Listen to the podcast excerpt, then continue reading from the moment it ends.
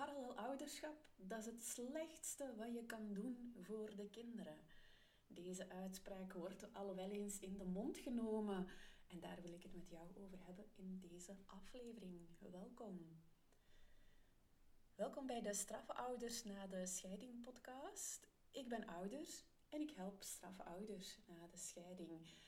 Dat wil zeggen dat ik ouders begeleid die in een complexe scheiding zitten en die niet willen dat hun kinderen de dupe zijn van die complexe scheiding, van het hoog conflict.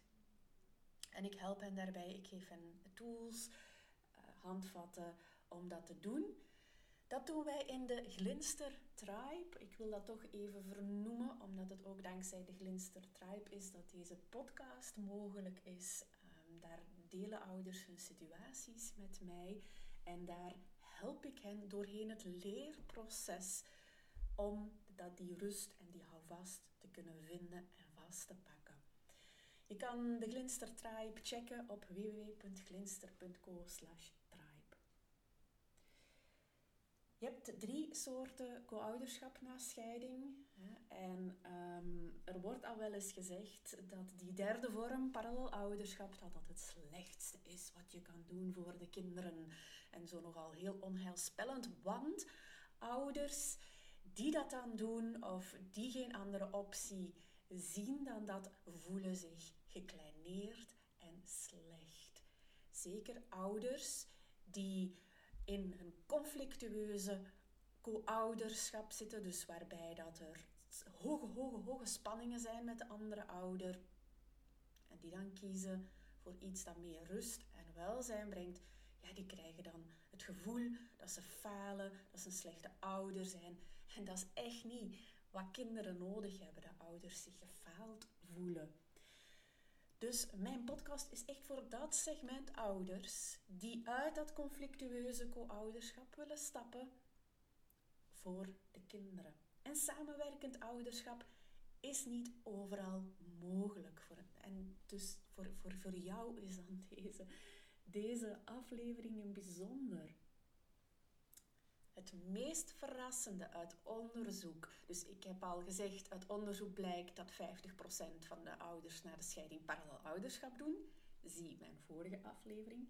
Het meest verrassende uit onderzoek is dat de enige vorm van ouderschap na scheiding die schadelijk is voor de kinderen, dat conflictueuze is waarbij dat er ruzie is tussen de ouders, of waarbij dat er, als er een mail wordt gestuurd, dat je daar dagen slecht van bent, of waarbij dat er rechtbank is, of waarbij dat er uh, geroepen wordt, kwaad gesproken wordt over jou, alle vormen en kleuren van dat conflictueuze co-ouderschap.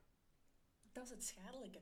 En het goede nieuws is dat als één ouder daar uitstapt en daar niet aan meedoet, dat dat veilig eiland brengt voor je kinderen.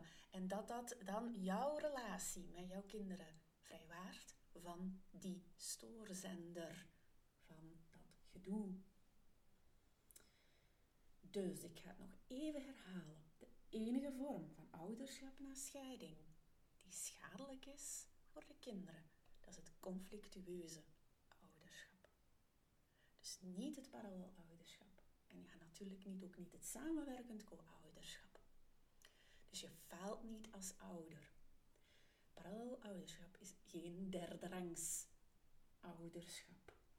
Ja, het is een hele waardevolle mogelijkheid om niet geleefd te worden door dat hele ellendige conflictmonster.